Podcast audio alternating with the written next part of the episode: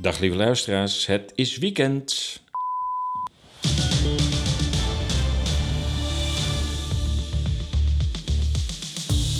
Het is weekend en weer tijd voor Radio Moddergat. De vrije podcast radio van ezas.nl. Twee wekelijks, 60 minuten lang, berichten over bizarre tijden. Mijn naam is Paul de Bruin en we noteren 15 juli 2022.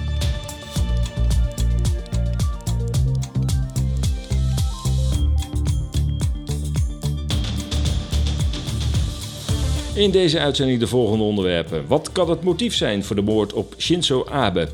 Het CETA-verdrag met Canada is geratificeerd. Wat wil Bill Gates met zijn boodschappen bezorgen picknick? Willen de Amerikanen werkelijk Rusland opsplitsen? De Donbass is in Russische handen. En koop jij al bij de boer? Dit allemaal in deze extra lange uitzending van Radio Morgengat.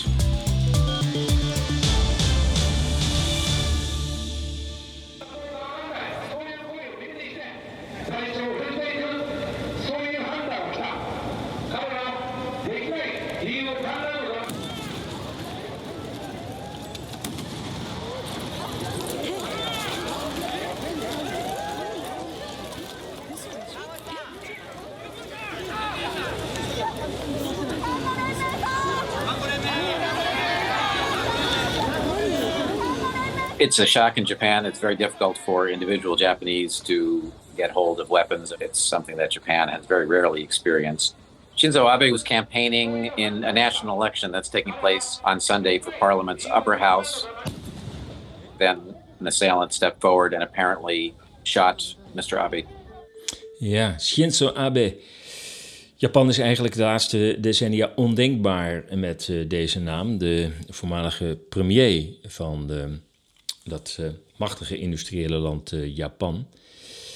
Shinzo Abe is dus uh, vermoord en de speculaties over het waarom zijn natuurlijk niet van de lucht. Dat is, dat is logisch. Omdat in Japan natuurlijk het, het geweld met, met vuurwapens natuurlijk redelijk zeldzaam is, omdat vuurwapens daar heel erg aan banden zijn gelegd en het absoluut niet vergelijkbaar is met de Verenigde Staten, waar wapens toch redelijk makkelijk verkrijgbaar zijn. Ja, Abe begon zijn loopbaan in 1993 bij de LDP, de Liberal Democratic Party. En die partij is weer in 1955 uh, opgericht, dus uh, tien jaar na de oorlog. En voor Japan dus de verloren oorlog. Nou, met, met een paar, op een paar korte onderbrekingen na is deze partij eigenlijk vrijwel onafgebroken aan de macht geweest. Je kunt eigenlijk zeggen, het land is politiek sinds de Tweede Wereldoorlog eigenlijk uh, tien jaar na de Tweede Wereldoorlog eigenlijk ondenkbaar geweest. En ja, hoe is die partij eigenlijk aan de macht gekomen? Nou, na de Tweede Wereldoorlog ontstond er, en zo, dat was, dat was uh, op meer plekken, ook in de Verenigde Staten, um, kwam er vooral een sterk socialistische, communistische tendens uh, op. En de Amerikanen hadden Japan de, ja, meer of meer gedwongen tot capitulatie. En die waren natuurlijk geen zins van plan om een socialistische of een communistische partij uh, in Japan toe te staan. Zeker niet met het communistische Rusland, de Sovjet-Unie, uh, uh, dat sinds 1917 uh, communistisch was, was geworden.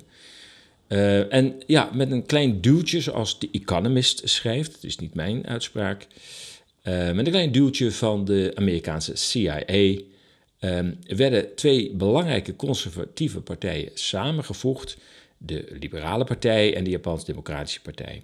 En die LDP kreeg de overhand en ging de leiding geven aan de, ja, wat je zou kunnen noemen het Japans economisch groeimirakel. Um, ja, eigenlijk zou je kunnen zeggen dat hiermee een van de eerste naoorlogse door de VS georchestreerde regime changes uh, was uh, gerealiseerd. En dat is een uh, trucendoos die de Verenigde Staten daarna nog heel vaak uh, open zou doen om regeringen aan de macht te brengen die pro-Amerikaans zijn. Als je de analyses over uh, Shinzo Abe leest, dan hoor je ook steeds weer dat hij pro de Verenigde Staten was. Dat hij een goede betrekking had met de presidenten in de Verenigde Staten. En dat is natuurlijk niet zo verbazingwekkend. Want alleen door Amerika op de wenken te bedienen, ehm, kon Abe aan de macht blijven. En om de Japanse burgers, maar ook overheden, regering eraan te herinneren dat Japan toch vooral de verliezer van de Tweede Wereldoorlog was, uh, heeft Amerika een enorme militaire presentie in Japan. Vooral in Okinawa uh, is heel bekend. Dat is niet één basis, maar dat zijn er meer dan 30. 30 militaire terreinen in, ik dacht dat het prefect was, Okinawa. Um, en het, maar liefst 0,6% van het hele Japanse oppervlak is Amerikaans militair gebied. 0,6 procent. Dat, dat lijkt een klein percentage, maar dat is een onvoorstelbaar een groot uh, gebied. Nou ja, Jensen Abe wilde uiteindelijk, of wilde uh, langzamerhand toch een beetje van die, van die bepaling af in de grondwet, artikel 9 van de Japanse grondwet, waarin werd geregeld dat Japan alleen nog maar een verdedigingsleger mocht hebben. Nou, dat is hetzelfde als in Duitsland. de twee grote verliezers natuurlijk van de Tweede Wereldoorlog die werden toch door de Amerikanen gedwongen om in de grondwet op te nemen dat het alleen nog maar een verdedigingsleger mocht hebben. Nou ja, aan beide werd eigenlijk al vrij snel gekrabbeld. In Japan nog veel eerder dan in uh, Duitsland. En ook Abe was natuurlijk voorstander, begrijpelijkerwijs, om dat artikel langzamerhand wat aan te gaan passen.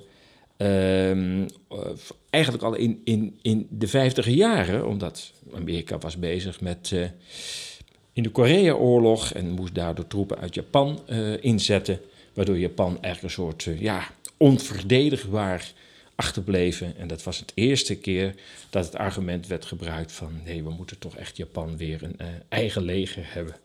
Want we kunnen toch niet zo kwetsbaar zijn voor de vijanden om ons heen, waar China en natuurlijk de belangrijkste is. Nou ja, uh, ja waarom is hij nou, waarom is hij nou ja, gestorven? Waarom is hij vermoord? Ja, daar zijn de meest wilde verhalen over. Ik zie ook allerlei ja, memes voorbij gaan, zeg maar, over wat het zou kunnen zijn. een daarvan is ja, dat men zegt, de Japanse premier die was niet bereid om de opdrachten uit Davos uit te voeren. Hij heeft vaccinatie niet verplicht gesteld. Hij heeft 1,6 miljoen doses um, vaccins teruggestuurd. En hij gaf de burgers ivermectin, ivermectine. En dat deed hij al volgens mij in augustus uh, 2021, als ik het goed heb. Dat moet ik even slag om de arm houden. Uh, waardoor um, COVID heel snel tot hele beheersbare proporties daalde in Japan. Ja, dat, ja, dat zou suggereren dat, dat de farmacie hier misschien achter zit of de, het WEF. Um, ja, ik kan niks uitsluiten, want ik weet het niet. Ik, ik was er niet bij. Um, maar wat vaak over het hoofd wordt gezien is dat er ook interne uh, situaties kunnen zijn die wij niet kennen. Japan is natuurlijk voor Westelingen een tamelijk gesloten land. Hetzelfde geldt voor China. Hè, dat, dat, dat natuurlijk die bizarre lockdown heeft gehad. In, uh, dat is nu wat versoepeld, of misschien zelfs ten einde, dat weet ik niet precies. In Shanghai en een aantal andere steden. Uh, ja, dat wordt natuurlijk ehm, vanuit westerse ogen, vanuit de westerse alternatieve uh, kritische ogen, wordt dat meteen gezien als, ja, dat is onderdeel van, van ehm, wat Davos wil, de economie ontwrichten. en zo een building back better situatie creëren. China zit ook in het complot. Um, nogmaals, ik, ik sluit niets uit, want ik weet het gewoon niet. Maar dat soort uitleg um, ja, wordt wel wat in um, de wielen gereden door het feit dat we eigenlijk van de interne politiek van China, maar ook van Japan, twee tamelijk gesloten landen als het gaat om de interne politiek, eigenlijk helemaal niks afweten. Dus dat betekent eigenlijk dat we allemaal verklaringen geven waarvan wij de, uh, ja, wij kennis dragen. Dat we denken, ja, dat kan het zijn. Maar uh, intern speelt natuurlijk ook wat. Hè. In China speelt ook uh, de knoet van, van Beijing over alles wat westers georiënteerd is. Hoe gek het ook klinkt, ze hebben een tamelijk kapitalistisch systeem, maar wel met een hele sterke, ja, toch centralistische, autocratische insteek. Nou, Hongkong die, die wil daar dus nog steeds aan ontsnappen. we hebben gezien wat dat teweeg heeft gebracht. Maar Shanghai was het eigenlijk een soort Hongkong, maar dan echt binnen China. En die ging ook zijn eigen gang. En was eigenlijk volledig westers. En het kan best zijn dat die lockdowns ehm, een signaal uit Peking waren, uit, uit Beijing waren. Hou er rekening mee. Jullie gaan nu in het gelid lopen, anders breken we de boel daar gewoon af. Nou, het kan, nogmaals, ik weet het niet.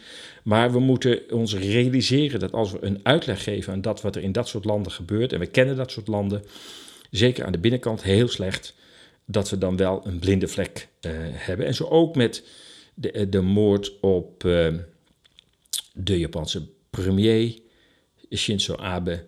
Um, ook daar kunnen interne zaken uh, spelen. Hè? Dus niet alleen de uitleg, ja, hij volgde Davos uh, niet op en uh, hij stuurde vaccins terug. Maar er speelt ook in, in, Japan het een en het ander. Ehm, hij had nogal wat vijanden vanwege zijn standpunt dat Japan toch eigenlijk ook wel weer gemilitariseerd moest worden. Ehm, net zoals dezelfde discussie als in Duitsland. Um, en ja, er, waren, er is een hele sterke vredesbeweging in Japan die zegt: never, nooit meer. Wij houden het bij een defensief leger. Ja, en Abe bleef er maar voor pleiten. Dat kan, dat kan een motief zijn geweest. Daarnaast uh, speelt er ook nog wat dat uh, Abe um, ook sterke betrekkingen heeft en ondersteuning biedt aan, maar ook ondersteuning krijgt van, uh, van de kerk van de eenmaking, heet het dan.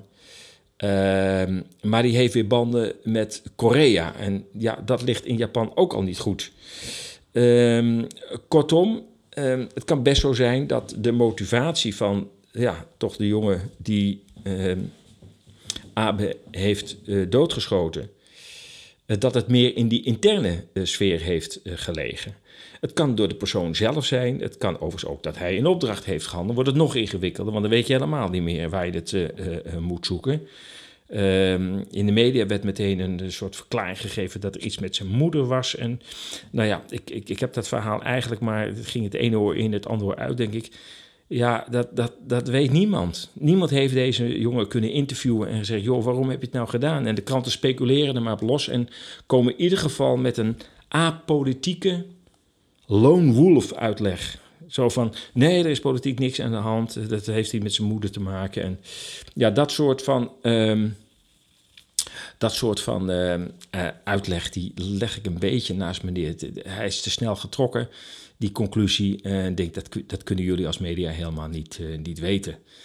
Um, in de nieuwsbrief, die eigenlijk deze podcast ook begeleidt, uh, staat ook een link naar een, uh, een protestbrief van het Nationaal Netwerk van Advocaten, Japanse advocaten, tegen geestelijke verkopingen, heet dat dan, als ik het uit het Japans vertaal. Uh, die heeft 17 september 2021 een open protestbrief geschreven. En ehm, daar ging het dus over die, die kerk van de eenwording, de unificatiekerk en haar frontorganisaties. Daar keerde de, het, netwerk van Japanse advocaten zich tegen. Dus nou, ik heb. Lees die brief maar eens. Uh, je kunt hem, uh, uh, ik, zal een stukje vertaling um, uit het Japans in um, de nieuwsbrief zetten, zodat je het niet zelf hoeft te vertalen. Overigens steek me allemaal niet in het vuur voor het Japans, want ik heb het met een goede online vertaling, vertaaltool gedaan. Um, en ik kan het helaas niet, niet controleren. Oké, tot zover Shinzo Abe en waarom hij zou kunnen zijn vermoord. Het nou TTIP is, waar zelfs heel veel kritiek op was, uh, CETA of het Oekraïne-verdrag. Ik heb altijd gezegd, probeer nou samen te werken met andere landen. Nu gaan we samenwerken met een van de landen die qua rechtsstaat en qua uh, liberale democratie en zelfs qua leider het meest lijkt op Nederland. En dan gaan wij daar als Nederland ongelooflijk moeilijk over doen, omdat we met een vergrootglas gaan kijken naar een aantal mogelijke gevaren die er aan zo'n verdrag zitten. Hier moet je voor de volle 80% blij zijn met het verdrag. Het levert heel veel op. Ook veel garanties op het gebied van milieu. Anderhalf kopje koffie per persoon levert het op uh, qua winst. Uh, het is, je haalt concurrentie binnen voor je eigen boer. Je haalt slechter uh, geproduceerd vlees binnen. je, binnen. je, haalt een arbitragehof binnen wat helemaal niet nodig is. Omdat je gewoon hier gewoon... Ja, het klinkt heel gek, want we hebben het al heel lang. We hebben hier gewoon een rechtbank. En in Canada ook. Ja, dat weet ik wel. Dit is een handelsverdrag waarbij je probeert de handel tussen het Europese Unie en de, uh, het Canadese continent te versterken. Dat lukt met die handelsverdragen. Daardoor krijgen we meer banen, kunnen we meer spullen verkopen. Nederland is daar goed aan. Het is in belang van Nederland. Het is samenwerking over de grens. Je kunt altijd zeggen, we moeten het op een bepaalde reden niet doen. Ik hoor bij een partij die zegt, laten we het nou wel doen. En zo goed mogelijk proberen te regelen dat die producten over en weer kunnen gaan met goede standaarden hoor ik uh, Kees Verhoeven van D66 nu zeggen... we moeten voor de volle 80% ervoor gaan. nou, dat is niet veel. 80%, de volle 80%. Nou, wat is dan die, waar is die andere 20% gebleven? Goed, hoe dan ook, je hoorde Kees Verhoeven van D66 over het CETA-verdrag. Menig um, criticus van dit verdrag en de globalisering in het algemeen... heeft afgelopen week een traantje weggepinkt toen de, tweede, de Eerste Kamer Ehm, het uiteindelijk het verdrag goedkeurde en daarmee de ratificatie van het verdrag een feit is. Ja, is dat zo'n ramp, uh, dit verdrag? Nou ja, we hadden natuurlijk uh, veel eerder al TTIP en dat was eigenlijk een veel groter contract, maar daar zaten dezelfde principes uh, in. Eigenlijk geen handelsbelemmeringen meer tussen, ja, niet meer landen, maar tussen continenten bijna. Hè, de, in dit geval dan toch nog Canada als land. Met de Europese Unie, wat andere landen schijnen ook al getekend te hebben. Alleen Nederland hobbelt dan wat achteraan en er moet dan een democratisch sausje over. Maar er wordt zoveel, denk ik, druk uitgeoefend op de achtergrond. Dat zelfs de Partij van de Arbeid, die als die nee had gezegd, was het niet doorgegaan. Maar zelfs de Partij van de Arbeid, die toch, ja, ooit, kan ik me herinneren, voor de werknemers opkwam, voor de arbeiders Um, en dus zorgde voor uh, goede cao's. Um, uiteindelijk gewoon wederom de deur openzet voor weer een fase van de globalisering. Weer meer concurrentie op prijs en op loon. Um, waardoor er nog steeds veel meer druk gaat komen op de lonen en, en uh, prijzen. Maar daarmee ook bij het laatste ook de kwaliteit van de producten. Um, nou hoor, D66 daar uh, groot voorstander van zijn. Uh, is het zo'n probleem, uh, zo'n contract? Ja, in feite wel, want dat is weer een stap in de, ja, je zou haast kunnen zeggen, de onttakeling van de nationale economieën en eigenlijk ook wel van de nationale soevereiniteit. Nederland heeft langzamerhand weinig meer te zeggen over wat er het land in uh, dan wel uitgaat. En dat gaat hier nog een stap verder. Dat was ook met TTIP. TTIP die overigens de nek om is gedraaid door Donald Trump. Daar waren heel veel mensen blij mee overigens. En uh, het, het, het venijn zit hem ook in de, in de, in de arbitrage. Eh, dus met andere woorden, als een bedrijf investeert, hè, dat noemen ze dan de investeringsbescherming die in het contract zit. Als een bedrijf investeert in Nederland en uh, uiteindelijk zegt Nederland ja, nee, maar dat kan niet vanwege stikstof, om maar iets te noemen. Of uh, ja, de waterhuishouding waar jullie het bedrijf hebben gevestigd. Of uh, de uitstoot, of uh, de kwaliteit van het product, of vlees, of wat dan ook. Dan kan dat bedrijf zeggen, ja sorry, maar ik heb helemaal geïnvesteerd in Nederland. En dan moet je niet met die flauwe wetgeving van je komen, want uh, dat gaat je geld kosten. En dan zou je zeggen, nou ja, dan stapt hij dus naar een Nederlandse rechter. Ja, dat, dat is dus de, uitgesloten. Er komt dan een speciale arbitragecommissie van drie mensen. Um, en de ene van zal waarschijnlijk door de overheid worden aangewezen, de ander door het desbetreffende bedrijf en dan een onafhankelijk voorzitter. Nou ja, dat betekent eigenlijk dat op dat front uh, de Nederlandse rechtspraak uh, gewoon helemaal buitenspel staat. En dat betekent ook dat uh, Nederland als soeverein land ooit buitenspel staat, beleidsmatig. Dus Nederland kan wel van alles willen nog als uh, plofkippen binnenkomen uit, uit Canada. Maar, of graan, dat met heel veel kunstmest is geteeld. Ja, jammer dan. Daar gaat een arbitragecommissie over. Als Nederland uiteindelijk daar eh, regels voor gaat opleggen. En ja, die boetes, die schadevergoeding, ja, die kan oplopen tot in de miljoenen, maar ook in de miljarden. Ehm, dus in een grote perspectief geplaatst is dat CETA-verdrag weer een stap in de onttakeling van de nationale soevereiniteit van Nederland. En nou ja, we hebben dat al met de euro, we hebben dat net met allerlei belastingverdragen, we hebben dat al met, ehm, met de Europese Unie. We hebben het gezien, we worden gewoon een oorlog ingetrokken die onze oorlog helemaal niet is, die niet in ons belang uh, uh, is, die we overigens ook hadden kunnen voorkomen, maar dat terzijde. We moeten toestaan dat, dat er treinen met tanks uh, over de Betuwe-lijn naar Polen gaan, Amerikaanse tanks. Ja, we hebben dus niet zo heel veel meer te vertellen in, in dit land. En mensen kunnen wel zeggen, ja, het is nog steeds democratisch. Ja, laten we eerlijk zijn, het theater uh, in, in, de zaal uh, is nog steeds zichtbaar. Uh, maar de macht van het parlement, het Nederlandse parlement heb ik het dan over, is langzamerhand wel gedecimeerd. Nou, het Europees parlement weten we, die heeft niet zo heel veel macht. Dus langzamerhand is er een soort democratisch gat ontstaan en dat wordt opgevuld door stakeholder capitalism. we horen hier Klaus Schwab natuurlijk. met andere woorden, het zijn bedrijven samen met overheden die gewoon uh, de dienst uitmaken. Het effect van CETA zal zijn dat uh, de Nederlandse landbouw en veeteelt, die natuurlijk hoog staat aangeschreven uh, in termen van efficiëntie, maar ook ehm, als het gaat om ehm, het beslag op natuur, daar heeft de NOS nog een bericht van, die staat ook in de in een van de artikelen, even kijken waar ik hem heb. In een van de artikelen heb ik dat op de website staan. Ik zal even opzoeken. Mm, mm, mm, nou. nou, ik ben het even kwijt waar ik dat nou precies heb gezegd. Even kijken.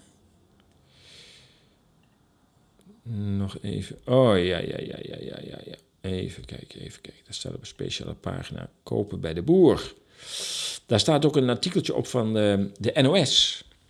U kent ze wel. Van dinsdag 1 augustus 2017. Met de kop: Nederlandse boeren hebben laagste milieu-impact ter wereld. Ja, ik ga het niet nog een keer voorlezen. Het lijkt me duidelijk. En dan zijn we de tweede voedselproducent ter wereld. Dat is toch knap, hè? Zo'n klein land, zo'n hoge productie en dan nog zo'n laag milieu-impact uh, op de omgeving. Dat zei de NOS in 2017, maar dat zijn ze natuurlijk al lang weer vergeten. Uh, we leven nu in een andere realiteit en nu is het weer stikstof wat het uh, probleem is. Maar goed, ja, het, het, verdrag komt wel op een heel pijnlijk moment natuurlijk. de overheid ligt helemaal overhoop met de boeren vanwege dat stikstofverhaal. Ehm, en de onteigeningen. Uh, en dan komt ook nog eens dit verdrag eroverheen. Dat lijkt wel een soort signaal naar de boeren van hou er rekening mee. Je gaat het uiteindelijk toch verliezen, want we halen gewoon de concurrentie binnen. En daar zul je, uh, of je legt het tegen ons af met de onteigening, of je legt het af tegen een moordende concurrentie die, uh, die op gang gaat komen. Dat was eigenlijk al zo door uh, verdragen met Oekraïne, het zogenaamde handelsverdrag, waarbij ook nogal wat uh, uh, ja, dubieuze uh, vleesproducten hier naartoe kwamen. Um, en dat wordt met Canada alleen maar nou, erger. En sommigen zeggen ook, ja, die wijzen er ook op van, ja, hou er rekening mee. we, het, het, is een verdrag met Canada, maar Canada heeft weer dergelijke verdragen met Mexico en met Amerika. Dus de producten van Mexico kunnen via Amerika en Canada toch ook weer gewoon op de Europese markt komen. En dan concurreren we uiteindelijk tegen Mexico. En dat is natuurlijk wat Mr. Global, om het zomaar eens uh, te zeggen, zoals Catherine Austin Fitch dat noemt, ja, toch weer zijn zin krijgt. Zo van ja, we produceren daar waar um, de productiekosten het laagst zijn. En we verkopen het daar waar de prijzen het hoogst kunnen worden opgeschroefd. Dat was het dan. Ongelooflijk, hè? Terwijl we dus eigenlijk met twee derde meerderheid over dit soort dingen zouden moeten stemmen. Artikel 91 grondwet bepaalt gewoon... als je een gerechtshof in het leven roept, en dat doet dit verdrag... dan verandert dat de status van de wetten en afspraken in Nederland. Het tast dus de democratie aan. En dat moet gewoon met twee derde meerderheid. En, ze negeren het gewoon. Ja, terecht de opmerking van, uh, van Baudet dat uh, hier staatsrechtelijk ook wat een en het ander aan de hand is. En ja, dat lijkt toch een beetje onder Rutte... Uh, um, ja, normaal te zijn geworden. Ik bedoel, ergens geen actieve herinnering aan hebben, uh, liegen en draaien, geitenpaadjes bedenken. Uh, geitenpaadje is natuurlijk een mooi woord, maar het betekent eigenlijk van ja, je kunt wel van nee roepen, maar ik zal wel iets verzinnen waardoor het toch ja wordt. En uh, ja, daar is hij ja, toch al tien jaar de gevierde man door, doordat hij dat op deze slimme, maar toch vooral antidemocratische manier altijd weer weet op te lossen. Je gaat je eigen boeren, je eigen producenten, je eigen producten aan de meest bizarre standaarden onderwerpen. En tegelijkertijd zet je alle grenzen wagenwijd open. Hebben we ook al met Oekraïne gezien, met die plofkippen en die legbatterij-eieren. Maar nu dus ook vanuit Canada. En Canada zit weer in een vrijhandelsverdrag met Mexico en de Verenigde Staten. Dus dat gaat allemaal via Canada naar Nederland, naar Europa toe. Ja, je bent gewoon bezig je eigen productie volkomen de nek om te draaien. Het is schandalig en ik begrijp dat de boeren boos zijn. En morgen gaan we ze dus ook enorm steunen. Dit is Radio Moddergat, wereldwijd te beluisteren via Soundcloud, Apple Podcast, TuneIn en Spotify. En um, ja, toch even nog uh, hele actualiteit, actualiteit. Um, er zijn natuurlijk twee belangrijke extra ontwikkelingen. Um, dat uh, afgelopen week in het uh, Franse parlement uh, een groot deel van de coronawetten die permanent moesten worden, enfin, u kent dat verhaal, dat is in de meeste landen is dat zo, dat die zogenaamde noodwetten uiteindelijk in permanente wetten moeten worden opgenomen. Dat uh, gaat ook in Nederland gebeuren, althans dat is het, de bedoeling. Um, dat is in Frankrijk grotendeels uh, mislukt. Zowel uh, aan de linkerzijde als aan de rechterzijde zijn er zoveel ehm, stemmen tegen geweest dat een aantal hele essentiële zaken uit die wetgeving zijn gehaald. Waaronder de Green Pass, oftewel het vaccinatiebewijs, is er afgehaald. En een aantal maatregelen kunnen ook niet meer uh, zonder meer worden getroffen. Dus het is een behoorlijke nederlaag van de Golden Boy van Frankrijk, uh, president Macron. Um, ja, de vraag is hoe dat nu, uh, hoe dit nu verder gaat. Macron staat uh, uh, bekend om zijn Franse geitenpaadjes. Ik weet niet hoe dat in het Frans is, geitenpaadjes.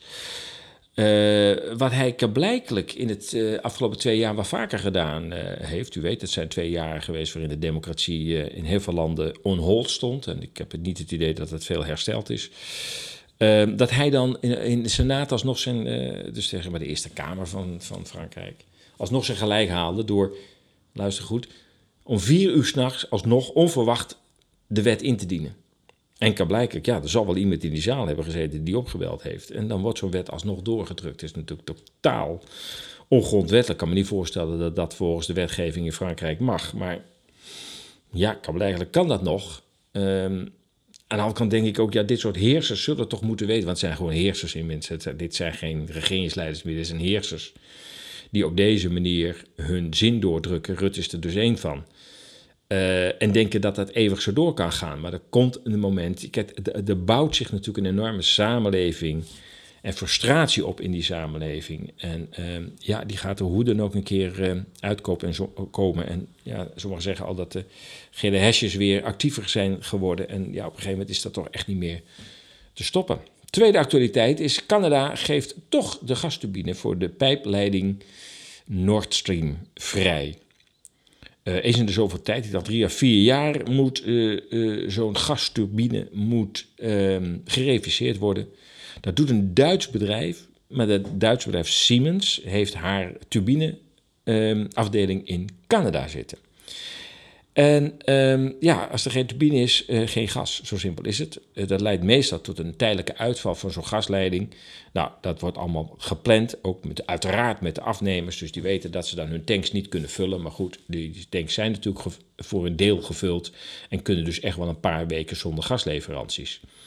Um, maar ja, Canada zei, uh, ho ho, ik heb hier die gasturbine, maar ik mag hem natuurlijk niet uitleveren wegens de sancties naar Rusland. Dus ik hou hem vast. Nou is natuurlijk diplomatiek op de achtergrond heel wat losgekomen. En ik denk dat uh, meneer Scholz, de uh, kanselier van Duitsland, uh, op zijn knieën heeft gesmeekt van alsjeblieft, geef dat ding toch vrij. Want we hebben dat gas keihard nodig. Um, de vraag is even, en nou is dat spel natuurlijk op de wagen. Um, gaat Rusland, als uiteindelijk die gasturbine weer aangesloten is op Nord Stream 1, zetten ze hem dan aan? Ja, maar dat spel wordt nu gespeeld op dit moment. Ehm, als ze hem aanzetten, dan haalt Duitsland opgelucht adem. Dan hebben ze nog niet genoeg gas, maar dan is het eh, de ramp minder dramatisch al, dan als de gasturbine in Rusland niet meer aangaat. Dan hebben wij allemaal in Europa een gigantisch probleem. Want als de Duitse industrie op een aantal belangrijke uh, punten stilvalt, dan hebben wij in heel Europa, want laten we eerlijk zijn, Duitsland is toch een beetje de fabriek van Europa. Als die stilvalt, dan heeft heel Europa een groot probleem. Maar ik denk dat heel wat politici natte kragen hebben van het zweet, want ze ook wel zien, dit is niet vol te houden. En ook daarover uh, heb ik een artikel geschreven op uh, esas.nl. Canada geeft toch de gastubieden voor pijpleiding Nord Stream 2 vrij. En in de Spectator uh, staat uh, dat uh, de Oekraïners vrezen dat Poetin langzaam, en ik citeer, zijn zenuwenoorlog met het Westen aan het winnen is. De concessies, al dus de Spectator, aan Rusland zullen blijven komen, al zullen ze worden opgesierd met gemeenplaatsen over achter Oekraïne staan. De winter komt eraan en het Westen ziet er zwakker uit, dus de Spectator. En zo is het. We hebben een grote mond, maar uiteindelijk zullen we deze winter zien hoe hard wij kunnen zijn. En ik kan je één ding garanderen: op dat front, op het mentale front, zullen de Russen altijd van ons winnen. Uh, drie jaar geleden begonnen met uh, Picnic Amersfoort ongeveer. Toen zijn we begonnen met uh, een runnetje of drie en ongeveer vier autootjes. Nu zijn we inmiddels al uitgebreid naar ongeveer 40 auto's en meer dan 100 runners. Hele leuke groep opgebouwd, runners in Amersfoort. mensen die met elkaar op vakantie gaan. Verder doen ze nog na, we zorgen ook lekker af en toe gewoon even, even een lekker biertje met z'n allen in de stad of iets dergelijks. En ja, dat, dat vinden wij, vinden heel, heel erg belangrijk in Amersfoort, die sfeer. Ja, runnertjes, wen hem eraan. Medewerkers van um, Picnic heten runners. Dat zijn de mensen die achter uh, het stuur van die kleine autootjes zitten. Um, in deze promo, die alweer een paar jaar oud is, uh, was sprake van uh, nu al 40 autootjes. Uh, inmiddels heeft Picnic duizend autootjes rijden door Nederland. Dus het is een snel groeiend bedrijf. En men zegt van Picnic dat het een van de eerste is die de distributie winstgevend heeft weten te maken. en dat de anderen het gewoon moeten hebben van de producten die ze verkopen. En daar wordt dan de distributiekosten worden daarmee verrekend. Maar zij hebben strikt genomen, maken geen producten. Uh, de distributie schijnt winstgevend te zijn. Ze hebben um, vorig jaar, september, heel veel geld opgehaald. Um, en een van de grootste investeerders was, ja, daar heb je hem weer, Bill Gates. Totaal is er 600 miljoen opgehaald en een groot deel daarvan, uh, hoeveel is niet helemaal bekend, of niet, niet bekend. Van die 600 miljoen komt van Bill Gates af. En je vraagt je af, wat moet Bill Gates nou in godsnaam met Picnic en met de runners? Um, ja, dat is natuurlijk heel moeilijk uh, bij hem na te vragen. Um, maar er zijn natuurlijk wel een paar ontwikkelingen waarvan je kunt zeggen, ja, die zijn niet toevallig ook nog eens uh, uh, gaande. Um, zo moet je natuurlijk goed realiseren dat Bill Gates ook nog op dit moment de grootste bezitter van landbouwgebied in de Verenigde Staten is. En dat is natuurlijk ook niet zomaar.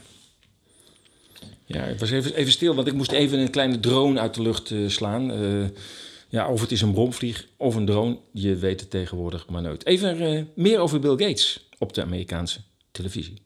Bill Gates, business magnate, software developer, philanthropist, nation's largest farmland owner.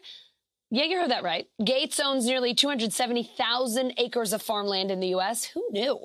Uh, NBC News investigative tech reporter April Glazer joining me now. April, you're reporting Bill Gates started buying land in 2013 through a web of limited liability shell companies across the country. Tell us what he's got. Ja, tel eens. Nou, uh, 270.000 hectare zou uh, Bill Gates uh, al hebben gehad in 2013. Dus zo lang is, dat al, lang, uh, is het al bezig. En dat doet hij dan via allerlei, zoals dat hier bij deze reportage van NBC uh, is, uh, via allerlei shell companies, oftewel uh, ja, schaduwbedrijven waar zijn naam niet aan verbonden zit, maar toch zit hij daar uh, achter. En ja, je kunt je afvragen, wat doet hij er nu precies mee? I mean, there is a lot of land and it's o- over about 18 different states, right? So we're talking about 70,000 acres in North Louisiana around the Delta region, 14,000 acres in Florida, over 40,000 acres in Arkansas, over 14,000 acres in Washington. So it really just spans the country and, and it is a lot of land. Now, the Land Report, a, uh, a, website that, that really looks at this, was the ones that found that he owned the most amount of land, of farmland in the country. But then we went and verified and find out exactly what is growing there. Yeah, so let's talk about uh, what are we eating? What is he growing uh, on Gates farmland?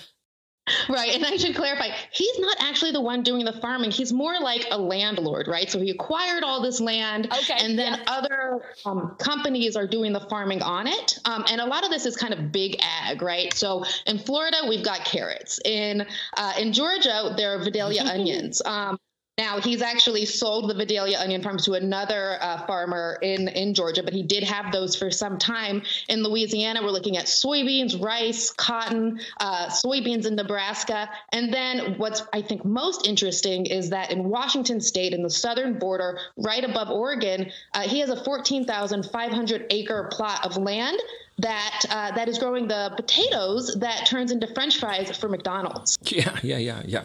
Patatten voor McDonald's is eh, een van de eh, gebieden waar hij eh, bezit van heeft. Althans, de potatoes worden daarvoor geteeld om uiteindelijk in de patatten van McDonald's te verdwijnen. En daarmee zegt de commentator ook, nou, eh, is hij niet zo heel erg principieel als het gaat om gezond voedsel. Ehm, nou, je zou kunnen zeggen, ja, slecht voedsel is ook een verdienmodel voor de gezondheidszorg. En daar investeert Gates natuurlijk ook weer eh, in. Ehm, ja, je zou kunnen denken, ehm, althans, ik verdenk hem daar een beetje van. Dat komt niet uit dit commentaar.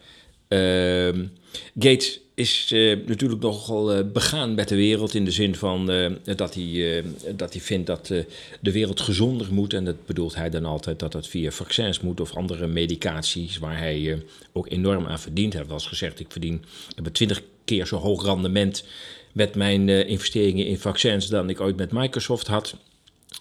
Dus hij, hij wil wel meer van dat. Eh, uiteindelijk ook al heb je 150 miljard, eh, dat is uiteraard nooit genoeg. Ehm, maar hij experimenteert natuurlijk ook met, eh, eh, met vaccins. Maar eh, de Universiteit van Californië die eh, experimenteert inmiddels met salade, met sla moet ik zeggen, met sla, waar mRNA in wordt gestopt. Dus mRNA, dat is dat, eh, dat goedje wat in die, eh, in die, in die eh, spuiten allemaal zitten die eh, de halve wereld eh, heeft eh, moeten tolereren. En ehm, ja, dat, de, de, Universiteit van Californië die zegt op de, zet op de website... eh, ehm, eating your own va- vaccines. Oftewel je eigen vaccins eten. Nou, dat kan dus zijn dat je eh, bij Albert Heijn straks een, een kropje mRNA gaat kopen... in plaats van een kropje sla. En dan krijg je ongewild toch die mRNA binnen. En daar, nou ja, er is genoeg over gezegd over die mRNA. Het is nog door het heel, bij, bij heel veel mensen nog niet doorgedrongen wat dat eh, met mensen kan, eh, eh, kan doen, op de korte dan wel op de lange termijn, zowel bij oudere mensen als bij jongere mensen. Ehm, maar goed, dat probeert men nu in die sla te krijgen. En ja, ik vrees een beetje dat als Bill Gates daar heel in ziet, dat hij dat ook op zijn 240.000 of nu 270.000 hectare eh, een, landbouwgebied eh, kan gaan kweken. En dan heeft hij toevallig ook een, een, een, een, bezorgdienst nu in Europa opgekocht, die binnenkort eh, naar Duitsland gaat uitbreiden en ook naar Frankrijk. En dan kan hij dat mRNA, kopje sla, ook gewoon bij je thuis bezorgen. Nou, of dat het model gaat worden, weet ik niet. Volgens nog lijkt het erop dat hij gewoon maar investeert in land, omdat land altijd zijn waarde blijft houden.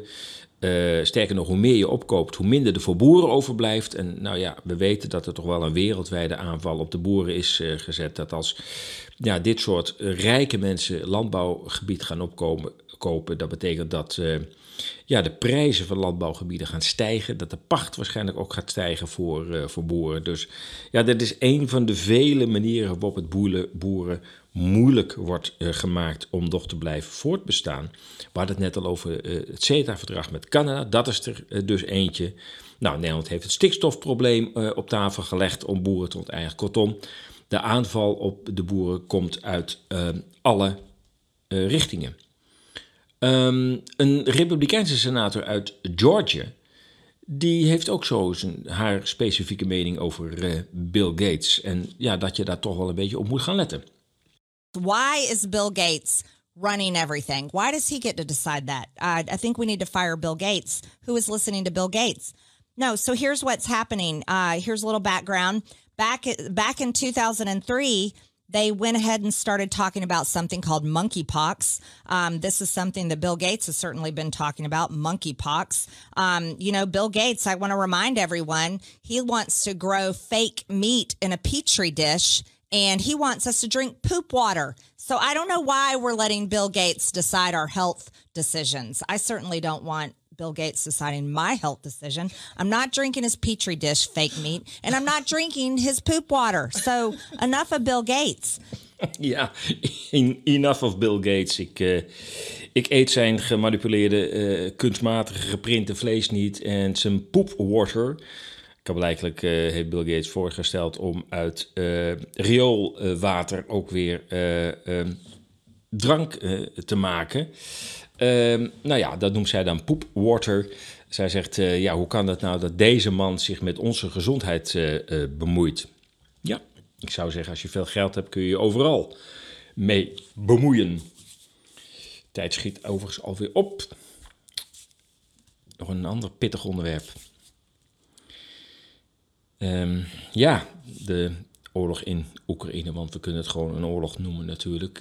Rusland kan het honderd keer een speciale militaire operatie noemen. Net zoals Nederland uh, haar uh, leger inzet in Indonesië destijds een politionele actie noemde. Alsof daar onze legereenheden parkeerbonnen stonden uit te delen. Maar helaas, het tegendeel was waar. Het Nederlandse leger hield daar op verschillende manier huis. Um, dus um, ja, de Russen, ja, sorry, ik blijf het nog steeds een inval in Oekraïne noemen. Daar zijn allerlei redenen voor, maar uh, we houden het maar even op wat het uh, uiteindelijk is. Maar in de Verenigde Staten zit men ook niet stil. Daar heeft men een, een, een commissie, een commissie die tot doel heeft om de Helsinki-akkoord Helsinki uit de 70 jaren om die te bewaken. Maar dat is een Amerikaanse senaatscommissie, er zijn er veel van overigens. Amerikaanse senaatscommissie. En uh, ja, die kijkt af en toe naar Europa en heeft daar ook een mening over. En uh, hebben een keer een online discussie georganiseerd over de vraag. Nou, eigenlijk was het, was het antwoord al gegeven, want de kaartjes lagen al klaar. Ehm, moeten we Rusland niet opdelen? Is Rusland eigenlijk niet gewoon te groot? En is eigenlijk Rusland gewoon niet een kolonisator? Met andere woorden, al die deelstaatjes die het heeft, dat, ja, dat, noemen ze wel uh, deelstaten van de, van, van Russische federatie. Maar het zijn toch eigenlijk gewoon koloniën. En, en, je, vinden wij niet dat dat gewoon moet worden opgedeeld? Ja, dan denk ik wel eens van, uh, hoe zou het eigenlijk zijn als een Russische uh, um, commissie van de Duma, het Russische parlement, als die ineens de vraag gaat opwerpen vinden wij de Verenigde Staten eigenlijk ook niet heel erg groot. En ja, dat, dat, dat zuiden, dat hoort er gewoon bij Mexico. En ja, die Indianen, waar zijn die eigenlijk gebleven? Moeten die hun territorium niet gewoon terug hebben en de grondstoffen? Nou ja, dan zou de wereld te klein zijn. Maar uh, andersom kan het allemaal straffeloos. Dan kan de commissie gewoon in alle open, de Amerikaanse commissie in alle openheid gewoon bespreken van... moeten we Rusland eigenlijk niet gewoon opdelen? Welcome to the U.S. Commission on Security and Cooperation in Europe's congressional briefing on decolonizing Russia, a moral and strategic imperative. Now, from the very beginning, I would like to emphasize a few points about today's hearing. Today's discussion is not a mere brain stimulating, yet largely esoteric exercise in a lip service to a zeitgeisty topic. It's also not an effort to be controversial or edgy just for the sake of likes and retweets. Today is a discussion to look at the fundamental, foundational reasons for Russia's aggressive and brutal foreign policy. Nou ja, met de laatste woorden weet je al uh, welke kant het op gaat. Uh, ze zeggen van ja, we voeren deze niet de discussie om, uh, om de discussie, om te polariseren. Maar uiteindelijk eindigt de introductie van de gespreksleider toch met ja, dat, dat er een antwoord moet komen op waarom Rusland zo'n agressieve politiek voert. Dus nou ja, het is wel duidelijk welke kant het op zou moeten gaan. Een paar fragmenten uit die discussie. You know, I, I guess I want to just outline on my end, speaking as an American, uh, the broader history of U.S. policy, or perhaps lack thereof, as it pertains to the kinds of indigenous and anti-colonial movements within Russia. I know Representative Cohen just outlined some of the non-Russian nations that are still considered part of Russia proper. These are colonized nations that we consider to be part of Russia proper, even though, again, these are non Russian nations themselves that remain colonized by, as we've seen yet again, another dictatorship in the Kremlin. Ja, um, hij zegt uh, uh, een aantal deelstaten van, uh, van Rusland, en dat zijn vooral de zuidelijke staten, ja, dat zijn gewoon kolonies. Wij beschouwen ze gewoon als kolonies. die horen gewoon niet bij, bij Rusland. En ja, we zien het nu weer. Dat slaat natuurlijk op Oekraïne. Ja, dat er echt een, een, een dictator aan de macht is en gewoon kolonies wil hebben en Rusland wil uitbreiden. Het was overigens Casey Mitchell, deze rap pratende Amerikaan, over dat Russisch kolonialisme. Nu horen wij Eris Marat. Marat, ik hoop dat ik goed uitspreek. Zij komt uit Kyrgyzstan uh, en de hoofdstad is Bishkek. Daar hebben we waarschijnlijk nooit van gehoord. Ik in ieder geval niet. En um, ja, zij behoort tot uh, een van de tussen aanhalingstekens van de kolonies van, de, van Rusland. Thank you, Bhakti, and thank you, uh, Helsinki Commission, for organizing this discussion today, the briefing. Um, really important and really um, uh, yeah, important discussion. Uh, I'm speaking to you from Bishkek, uh, my native city of Bishkek in Kyrgyzstan, and my views today are uh, mine. They don't represent uh, National Defense University, DoD, or U.S. government. Um, so yes, the the war in Ukraine is the worst expression of Russia's imperial ambition today, and Russia's. Um, efforts to restore the Soviet regime, Soviet Union, and restore the territories of the Soviet Union. Ja, het, zijn, het is natuurlijk een geselecteerd gezelschap uh, dat uh, hier uh, aan commissie wordt, wordt gepresenteerd. deze mevrouw Marat komt dus uit Kyrgyzstan. En ja, er zitten natuurlijk mensen die graag zelfstandig willen worden, zoals meer staten dat willen. Ehm, en zij zegt ook, ja, Rusland is gewoon een imperialistisch land, wil alleen maar groter worden, wil het oud-Russische Rijk herstellen. Um, en de inval van, um, in Oekraïne bewijst dat ook. But of course, that's not the only aggressive uh, political um, action that uh, Russia and Putin are currently perpetrating um, on the territories that were previously occupied by the Soviet regime. Um, there is, uh, of course, there is the war, uh, the occupied territories in Georgia, um, in Moldova. Um, there is constant nationalistic, aggressive language against uh, Kazakhstan um, and against other countries, again, that were formerly under the Soviet control.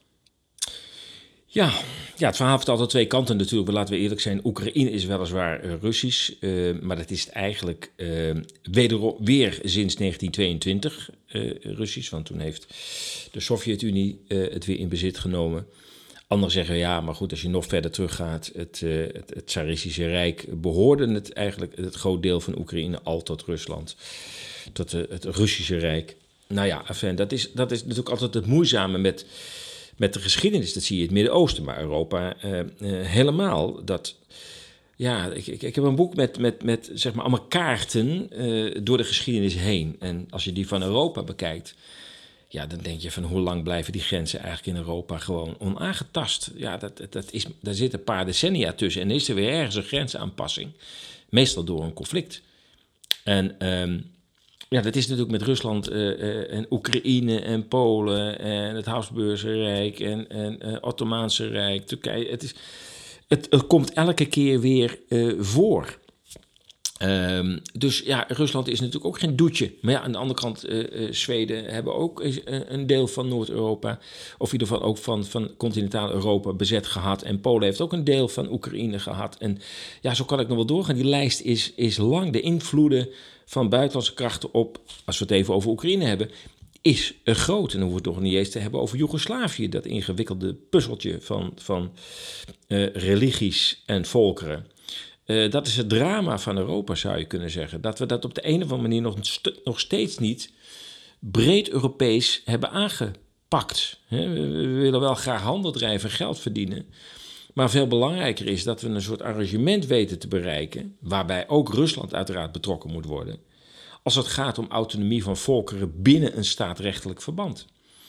Dat zou uiteindelijk uh, een langdurende vrede in Europa kunnen garanderen, wat we nu aan het doen zijn. Ik weet het niet, ik kan, ik kan er eigenlijk helemaal geen woorden voor vinden. Het is een soort rare kamikaze-politiek uh, uh, van, van een aantal doorgedraaide leiders, die we nu in Europa en de Verenigde Staten ook hebben hebben zitten.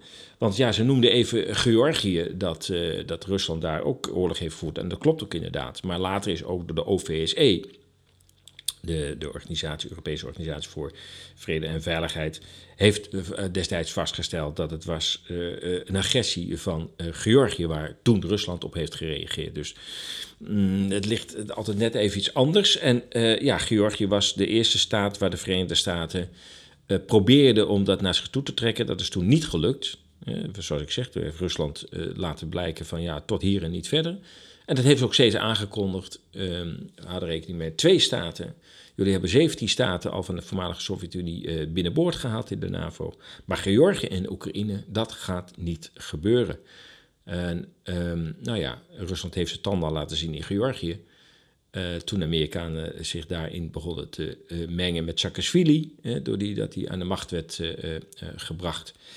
Um, nou ja, toen begon in 2014 de boel in um, Oekraïne om te kantelen naar een pro-westerse, pro-Amerikaanse houding en veel Amerikaanse steun, onder andere militair advies en later ook Amerikaanse wapens. En toen heeft ook, nou ja, Rusland gezegd, nou is afgelopen, maar heeft haar militaire acties beperkt tot het oosten van Oekraïne. Als je ook kaarten van de Franse geheime ziet, uh, nou, dat is in dit geval toch een tamelijk onafhankelijk orgaan. In dit geval, uh, als je, uh, want dan zie je dat er eigenlijk maar een, een strook van 100 tot 150 kilometer is aan de oostkant van Oekraïne en aan de zuidkant, zuidoostkant van Oekraïne.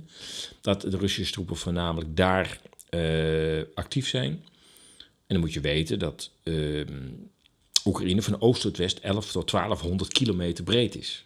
En Rusland nu ongeveer een strook van 100 tot 150 kilometer helemaal aan de oostkant en de zuidoostkant van Oekraïne heeft. En daarmee uh, zegt Rusland, het gaat ons echt alleen maar om de Donbass. We willen dat de Russische bevolking daar met rust gelaten wordt, dat ze hun taal weer mogen spreken, dat ze gewoon weer Russisch onderwijs mogen krijgen, althans Russisch-talig onderwijs. Uh, en daarvoor uh, beschermen we ze ook. Uh, verder hebben we geen ambities om ehm, Oekraïne onder de voet te lopen. Wat staan? Europa. Um, op de website staat een artikel. VS bespreekt opdeling Rusland. Daar kun je ook het kaartje zien dat men al getekend heeft. Het gaat al wat verder terug over die, die plannen van Amerikanen om Rusland gewoon eens even in mootjes te hakken. Die zijn al wat ouder. En even die kaarten zie je dus op esas.nl. Nu we het over de Donbass hebben. De Donbass is in de ogen van de Russische uh, troepen uh, en de Russische uh, politiek, maar ook in de ogen van veel mensen die in het oosten van Oekraïne wonen met een Russische achtergrond, met Russische taal als moedertaal, um, kun je zeggen dat de Donbass nu bevrijd is. Oekraïne zal zeggen de Donbass is nu bezet, maar de mensen in de meeste mensen, moet ik zeggen, in Oost-Oekraïne, in de Donbass, zien het echt als een bevrijding. En zo klinkt het als er Russische soldaten opdagen. Здравствуйте. Здрасте. Здрасте. Я вас привела. Господи, родные вы наши. Можно вас обнять? Вы наши. Ой,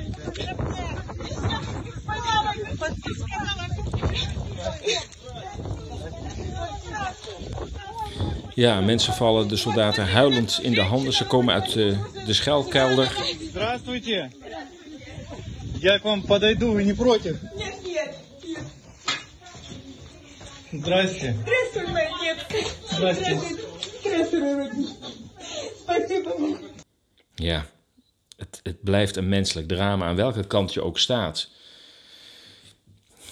Je moet gewoon constateren dat uh, de Russische bevolking al sinds 2014 door de eigen regering, want dat is het natuurlijk staatkundig, in Kiev uh, lastig wordt gevallen. En ik druk me voorzichtig graag. Eigenlijk moet ik gewoon zeggen, gewoon geterroriseerd.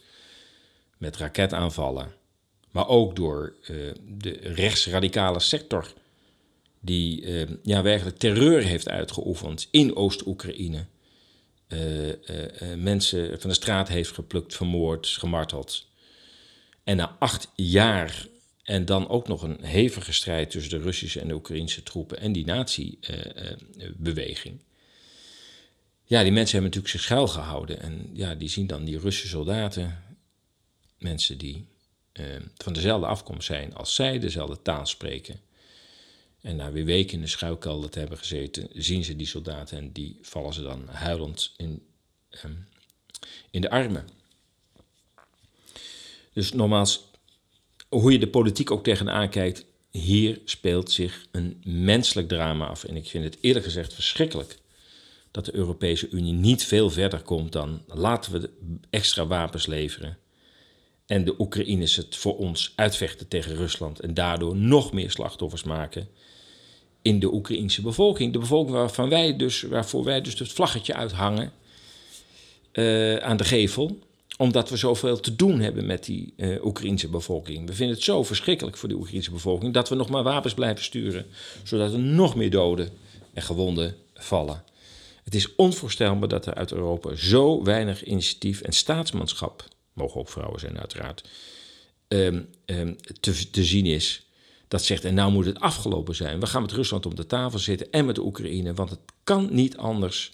We moeten er met elkaar aan uitkomen. We zijn aan elkaar uh, verbonden. Uh, we zitten allemaal op datzelfde Europese continent en we zullen met elkaar uit moeten komen. Nee, het is wapens leveren. Boris Johnson, nou ja, die is nu geen premier meer van Engeland, maar desalniettemin heeft gezegd: we gaan, we gaan Rusland verslaan op het slagveld. Nou, um, wie de geschiedenis kent van veldslagen, of dat nou van Napoleon was, die overigens uh, dat was toen overigens ook een Europees leger, want Napoleon was niet alleen. Ook Nederlandse troepen deelden, uh, de, uh, namen deel. Nou, die werden smadelijk verslagen in, in Rusland. Nou, Hitler weet er ook over mee te praten. In 1943 kreeg hij al een dusdanige genadeklap. Dat, ja, de oorlog was helaas nog niet voorbij, maar eindelijk, eigenlijk was het wel een keerpunt in de veldtocht van, van Nazi-Duitsland tegen Rusland. En ja, ik denk dat het gaat om mentaliteit. Dat de Europeanen het altijd tegen de harde um, en volhoudende mentaliteit van de Russen zullen afleggen. En nogmaals, hoe je de politiek ook tegenaan kijkt, het blijft een drama voor onder andere de Oekraïense bevolking, ook voor de Russische bevolking in het oosten. Hè. En uh, ja, het is, het is uh, bizar dat, dat wij als, als continent, als Europese landen, laat ik het zo zeggen, onszelf uh, werkelijk een crisis in, injagen door mee te doen aan deze oorlog, die niet de onze is. Wij zijn niet aangevallen. Dat we steun kunnen verlenen aan een vredesproces, dat is duidelijk. Maar dat we wapens leveren en dat we onze eigen aardgaskraan laten dichtdraaien.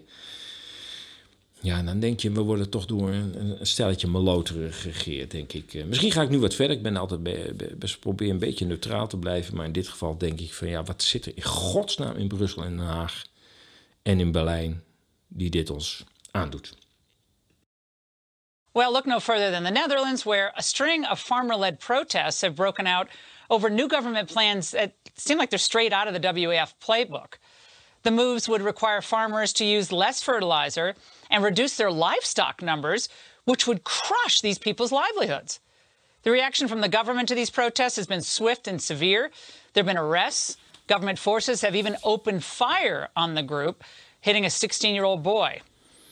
Dit is uh, een reportage van de Amerikaanse conservatieve uh, netwerk Fox.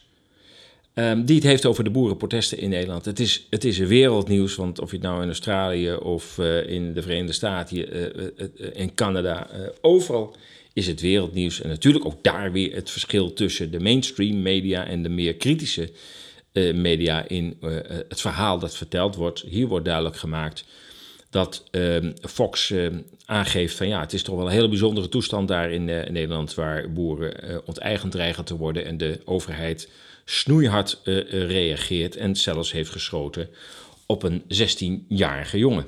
Kian Bexty is the editor in chief of the Counter Signal and publisher of DutchUprising.com. He's been embedded in the Netherlands with these farmers. He joins us live very, very early. Very good for him to be on with us. Kian, uh, why is the Dutch Prime Minister pushing this anti agriculture plan?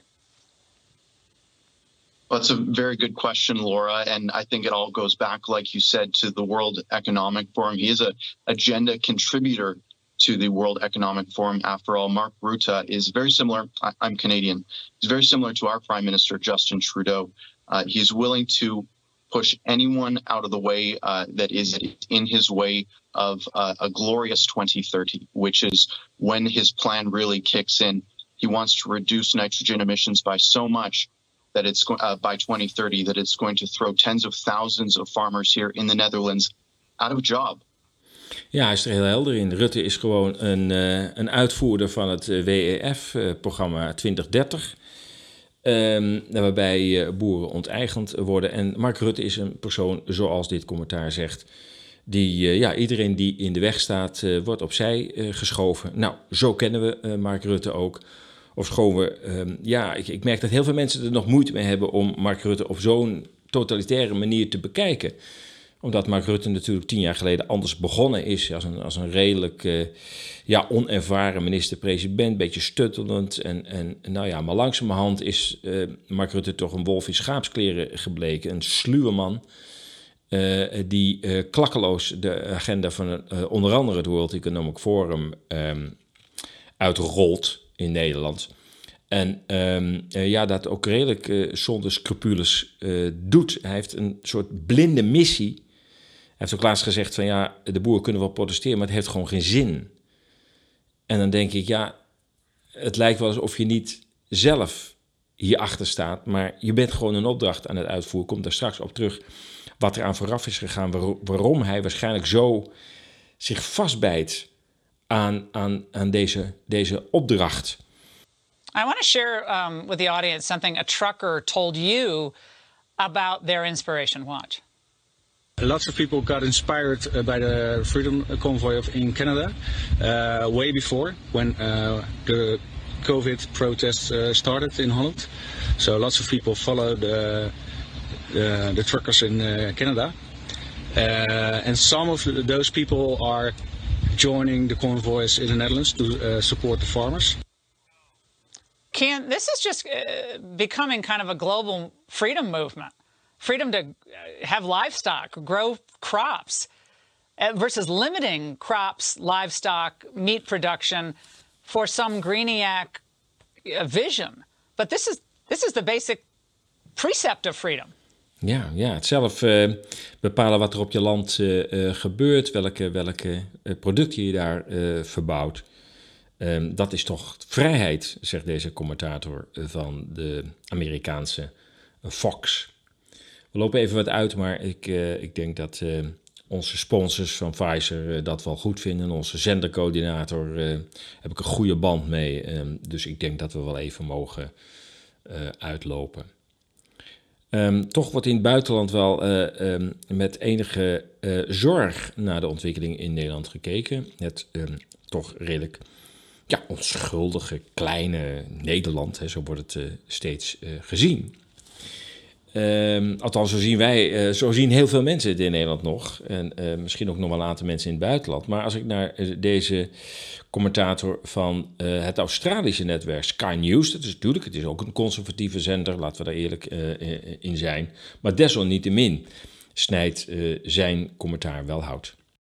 Somewhere else it seems to be sliding into dictatorship is Holland, which may not entirely be a coincidence. The similarities between Canada and Holland are as startling as they are disturbing. Here's Canadian Prime Minister Justin Trudeau and Dutch Prime Minister Mark Rutte, leader of the laughably and ironically named People's Party for Freedom and Democracy.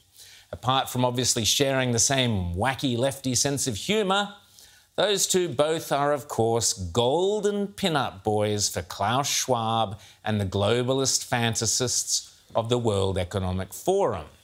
Nou, volgens mij uh, hoef je dat nauwelijks te vertalen. Um, Mark Rutte en zijn maatje in Canada, Justo uh, Trudeau, uh, zijn de Golden Pin-Up Boys van Klaus Schwab van het World Economic Forum. Ze hebben allebei die uh, linkse woke humor. en ze staan allebei voor dezelfde opdracht. En hij zegt, ja, uh, uitgerekend is Mark Rutte dan ook nog lid van de Partij voor Vrijheid en Democratie. En daar moet hij toch wel een beetje smalend om lachen. Waarom, waarom is Rutte zo dik in die agenda gedoken? Waarom voelt hij zich als, als voorhoede van de World Economic Forum? Als, als ja, Waarom is Nederland, want dat is het, dat, dat realiseren denk ik zich maar weinigen, maar Nederland is toch een beetje de proeftuin, misschien niet zo'n beetje, de proeftuin van ja, wat Rutte in zijn eerste toespraak in maart 2020 het nieuwe normaal noemde. Het, de, de, de Great Reset, de Building Back Better. Nou ja, hoe het ook allemaal noemt, de Fourth Industrial Revolution. Het heeft verschillende namen gekregen, omdat het verhaal natuurlijk uh, elke keer uh, toch niet meer helemaal blijkt uh, aan te slaan. Er wordt er weer een nieuwe term voor, voor bedacht. Maar ja, ik zeg altijd maar, de eerste toespraak van Rutte was het, was, was, gaf eigenlijk al inzicht in wat er nou eigenlijk gaande was. Een premier, ik heb het al meerdere malen gezegd, maar ik zeg het nog een keer. Een premier die, overigens gelijk met heel veel andere regeringsleiders, vrijwel dezelfde toespraak hield. Dat is op punt nummer één. Dat is natuurlijk al heel vreemd. Dat is afgestemd gedrag. Twee, in al die toespraken zaten twee elementen. A, er is een onbekend virus. Toen werd het nog als redelijk onschuldig aangekondigd. Dat is ook opvallend, dat er op een gegeven moment een switch kwam naar... nee, het is toch heel erg en we moeten met vaccins eruit zien te komen. Maar in eerste instantie was het, nou ja, we komen er met uh, natural immunity, met, met, met immuniteit komen er wel uit. Uh, en in diezelfde toespraak zat ook, ja, ja oké, het is een onbekend virus, maar we gaan naar een nieuw normaal. De oude samenleving keert niet meer terug. En toen dacht ik, dat kan niet kloppen. Die twee dingen horen helemaal niet bij elkaar. Hoe kan het nou dat als je echt overvallen wordt door een virus, zegt dat het een onbekend virus is, dus dat je niet weet wat het gaat doen? Dat je meteen zegt, nou, we weten alvast wel dat de oude samenleving niet meer terugkeert. Toen dacht ik al, er zit een verhaal achter. En ik moet zeggen, ik heb er wel twee over gedaan, maar langzamerhand zijn de pijlers wel duidelijk van welk verhaal dat uiteindelijk is. Het bizarre is dat in de Nederlandse media, maar ook in de buitenlandse media, die dezelfde toespraak, vrijwel dezelfde toespraak hebben gehoord van hun regeringsleider, dat de mainstream media nooit de vraag hebben gesteld: Goh, beste premier, minister-president, kanselier. U zei gisteren er komt een, onbekend virus op ons af. We zullen het waarschijnlijk wel redden met natuurlijke immuniteit. Maar het gaat wel onze samenleving veranderen. Kunt u dat eens toelichten? Die vraag is nooit gesteld. En het gekke is, doordat die niet is gesteld, verdween hij weer heel snel naar de achtergrond. En werden mensen helemaal gek gemaakt met een virus. En vergaten dat er nog een tweede element in die toespraak zat. En doordat mensen het vergaten, hadden mensen niet in de gaten dat hier gewoon een plan werd uitgerold. En dat dat virus daarvan de drager is. En dan kun je wel zeggen van ja, dat is complotdenken. Tot je dienst.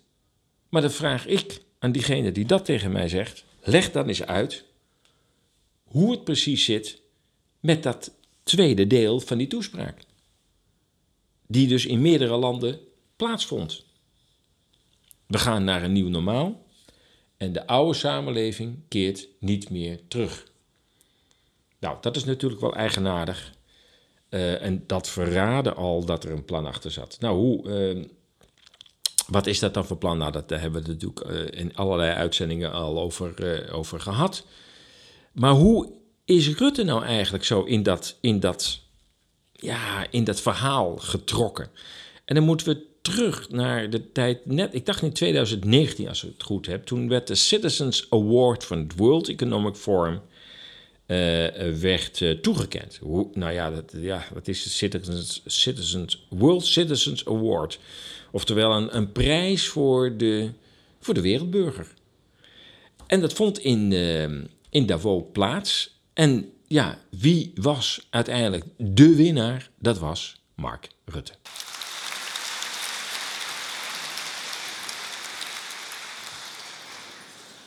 Dear friends, just imagine a prime minister who, as you have seen, takes his bicycle to go to the office. If he has to make a longer distance, yes, he has a car, but it's a 12 year old second hand Volvo, and he is driving himself. Every week going to the school, a school of immigrant children, to teach them history.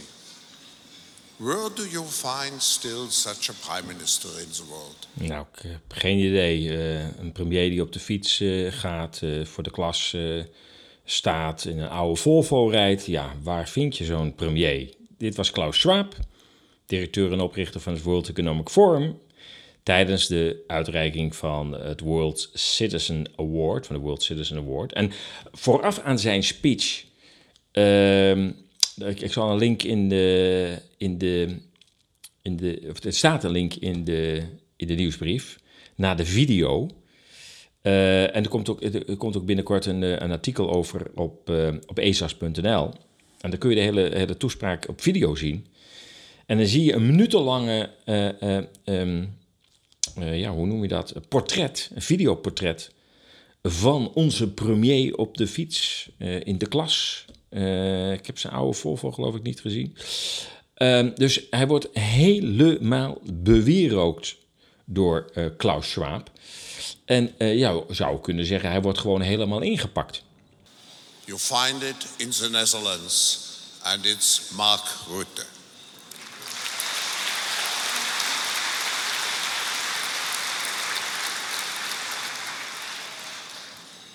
Mark, you have a triple role.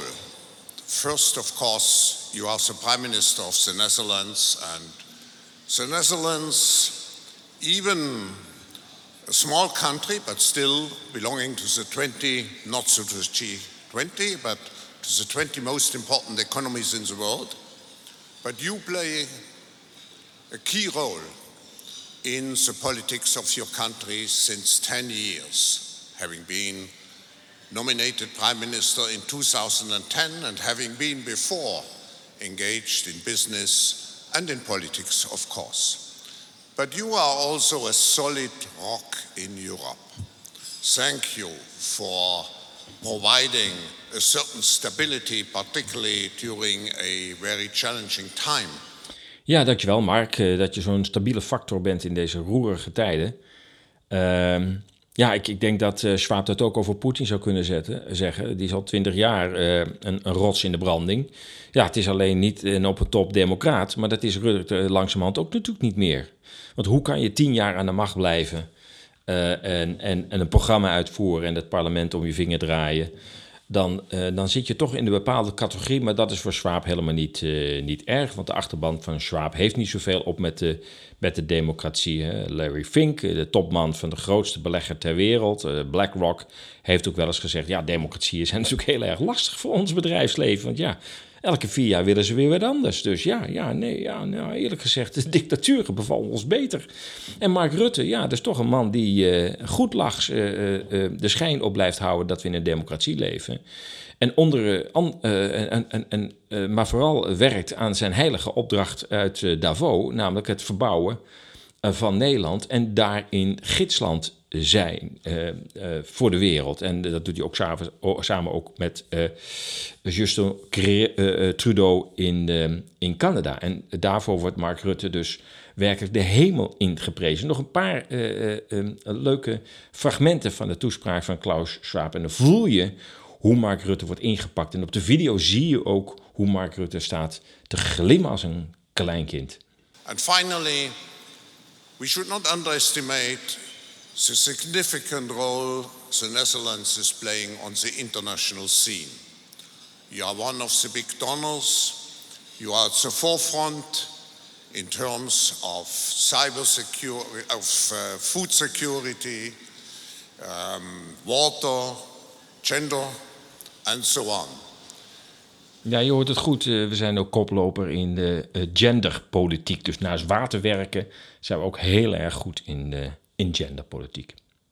Mark Rutte, you are a very private man. And when I did my research about you, it's very difficult to find data. But someone, it was the former president of the European Parliament, said, You are a cool man. And I said, You are one of the longest serving politicians and prime ministers in Europe. But I was told by an authoritative source, you are also probably the best looking prime minister in, in, in, in Ja, je bent ook de knapste minister-president, zegt hij van Europa. En toen maakte hij wel een beetje een uitgeleider. Want de zaal wordt onrustig. En hij probeert, ja, hij probeert eroverheen te praten en eh, hij probeert de draad van zijn verhaal weer op te pakken. Maar het geeft aan hoe eh, Mark Rutte gestreeld eh, wordt, ingevet wordt ehm, in zijn toekomstige rol. Want dit was 2019, ik heb net nog even nagekeken. In zijn toekomstige rol, en dat was maar een paar maanden later, als, ehm, als premier van het nieuwe normaal. En ehm, ja, eerlijk gezegd heb ik het idee dat we het paard van Troje in huis hebben gehaald. Hey guys, just want to give a quick shout out to everyone that's been watching our coverage here in the Netherlands, everyone that's been supporting us, donating so that we can continue to bring you real, honest journalism here on the ground. And I want to give a special shout out to Kian Simone, uh, one of our many talented video editors at Rebel News. He's been absolutely smashing the videos that we've been producing here in the Netherlands. So shout out to you, Kian. Thank you so much.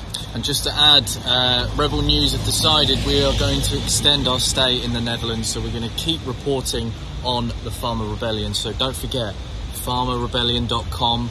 Visit the website. You can catch up with all of our reports there and all of the live coverage we are doing via tweets, via package reports, live streams, etc., etc. Farmerrebellion- farmerrebellion.com.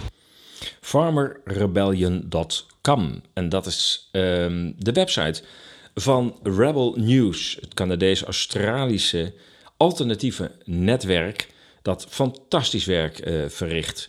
Ook eh, destijds de Truckers Convoys in Canada eh, tot eh, ja, bijna van minuut tot minuut heeft verslaan. En nu zelfs twee journalisten naar Nederland heeft gestuurd. En ehm, ze kondigen net in het fragment wat je hoorde aan dat ze langer in Nederland zullen blijven, omdat ze Nederland beschouwen als een voorhoede van wat er in de wereld op het gebied van ehm, landbouw en veeteelt staat te gebeuren. Dus ook vanuit Canadees perspectief, ik zal je direct eh, ook een Duits fragment laten horen, eh, wordt Nederland als gidsland gezien. Nou, we, we hebben eh, in het verleden ook nog wel eens die rol gespeeld, gidsland. Hè. Daar waren we natuurlijk weer de beste van de wereld, we hadden de hoogste moraal. Wat dat betreft zit het, past dat ook wel een beetje bij de Nederlanders. Alleen nu staan wij eh, eh, bekend als gidsland voor een tamelijk destructief, eh, globaliserend, eh, eh, neoconservatief beleid dat uiteindelijk ons land zwaar zal, zal beschadigen. Rebel News kijkt ernaar, Canadees-Australische alternatief netwerk. En ehm, ja, ze verslaan heel veel van, van Nederland, interviewen boeren en dat doen ze op een, op een fantastische manier. Kijk ernaar, steun ze ook, eventueel met een kleine bijdrage. Het is fantastisch dat ze dat eh, eh, doen en daar kunnen de Nederlandse mainstream media nog een puntje aan zuigen. Ik zei ook in Duitsland wordt natuurlijk met argusogen gekeken naar wat er in Nederland eh, gebeurt op het gebied van, van landbouwbeleid. Ja, eigenlijk nog veel meer staat er gebeuren. Ehm, en men is ook in Duitsland heel erg geschrokken van het extreem harde optreden dat de Nederlandse overheid in de afgelopen twee jaar tegen alternatieve eh, demonstraties eh, tegen het coronabeleid eh, heeft gevoerd. Maar ook nu weer als het gaat om, om de boeren en vooral ja, het schot op de 16-jarige ehm, in uh, Heerenveen, dacht ik dat het was. Dat heeft in Duitsland ook een tamelijk onrust opgewekt. En je hoort hier een boer die aangeeft: wij steunen de Nederlandse boeren, want wat daar staat te gebeuren, dat zal mogelijkerwijs ook naar ons boeren in Duitsland komen. Ja, liebe Freunde des Lesenhofs, äh, seit gestern Abend äh, ist für mich innerlich nichts mehr, wie es vorher war. Äh, seit gestern äh, ist bekannt, dass in den Niederlanden auf Berufskollegen geschossen wurde,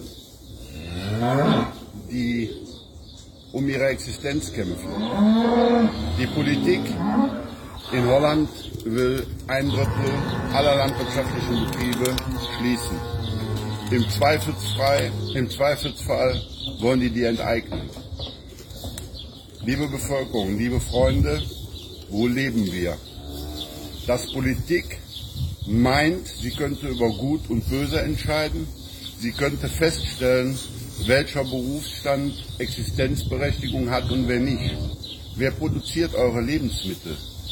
Haben wir nicht schon einen Krieg in Europa, den, der die ganze Welt aus den Angeln hebt? Merken wir nicht jeden Tag, was los ist oder, oder merkt keiner mehr was? Ein Leben lang üben wir diesen tollen Beruf aus, die Leonie und ich. Wir bilden junge Leute aus.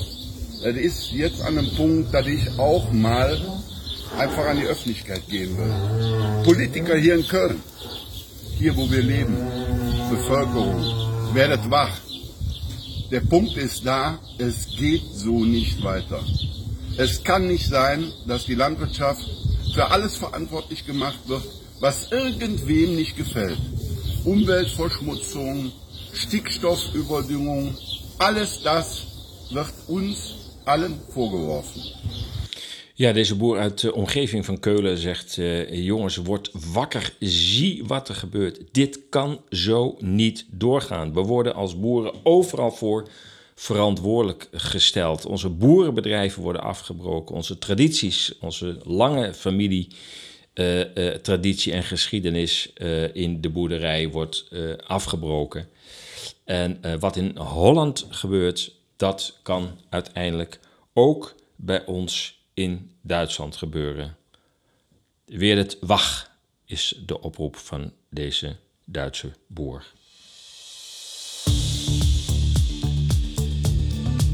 Ja, 1 uur en 22 minuten zitten we alweer. Dat is de langste radio Moddergaard ooit. Nou ja, is dat erg? Nee, eigenlijk helemaal niet. Er was genoeg te vertellen, toch? Dacht het wel. Het zit er weer op. Hoe dan ook, komt een keer een eind aan. Ook op deze 15 juli 2022.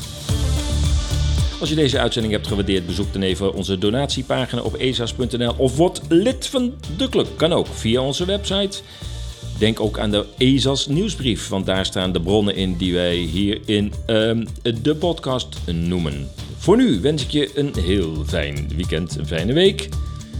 Blijf sterk, Blijf gezond en we zien elkaar weer over waarschijnlijk twee weken. Het is vakantietijd, dus ik weet niet helemaal zeker. In ieder geval, tot dan. You are also probably the best looking prime minister in, in, in, in, in Europe.